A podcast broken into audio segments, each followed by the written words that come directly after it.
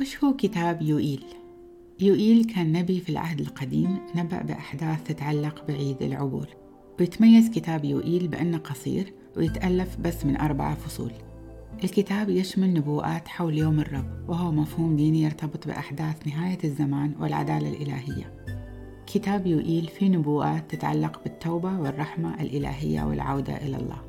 بالرغم من أن الكتاب قصير إلا أنه مليان رسائل دينية مهمة. وقيم دينية تتعلق بالعبادة والتوبة والرحمة.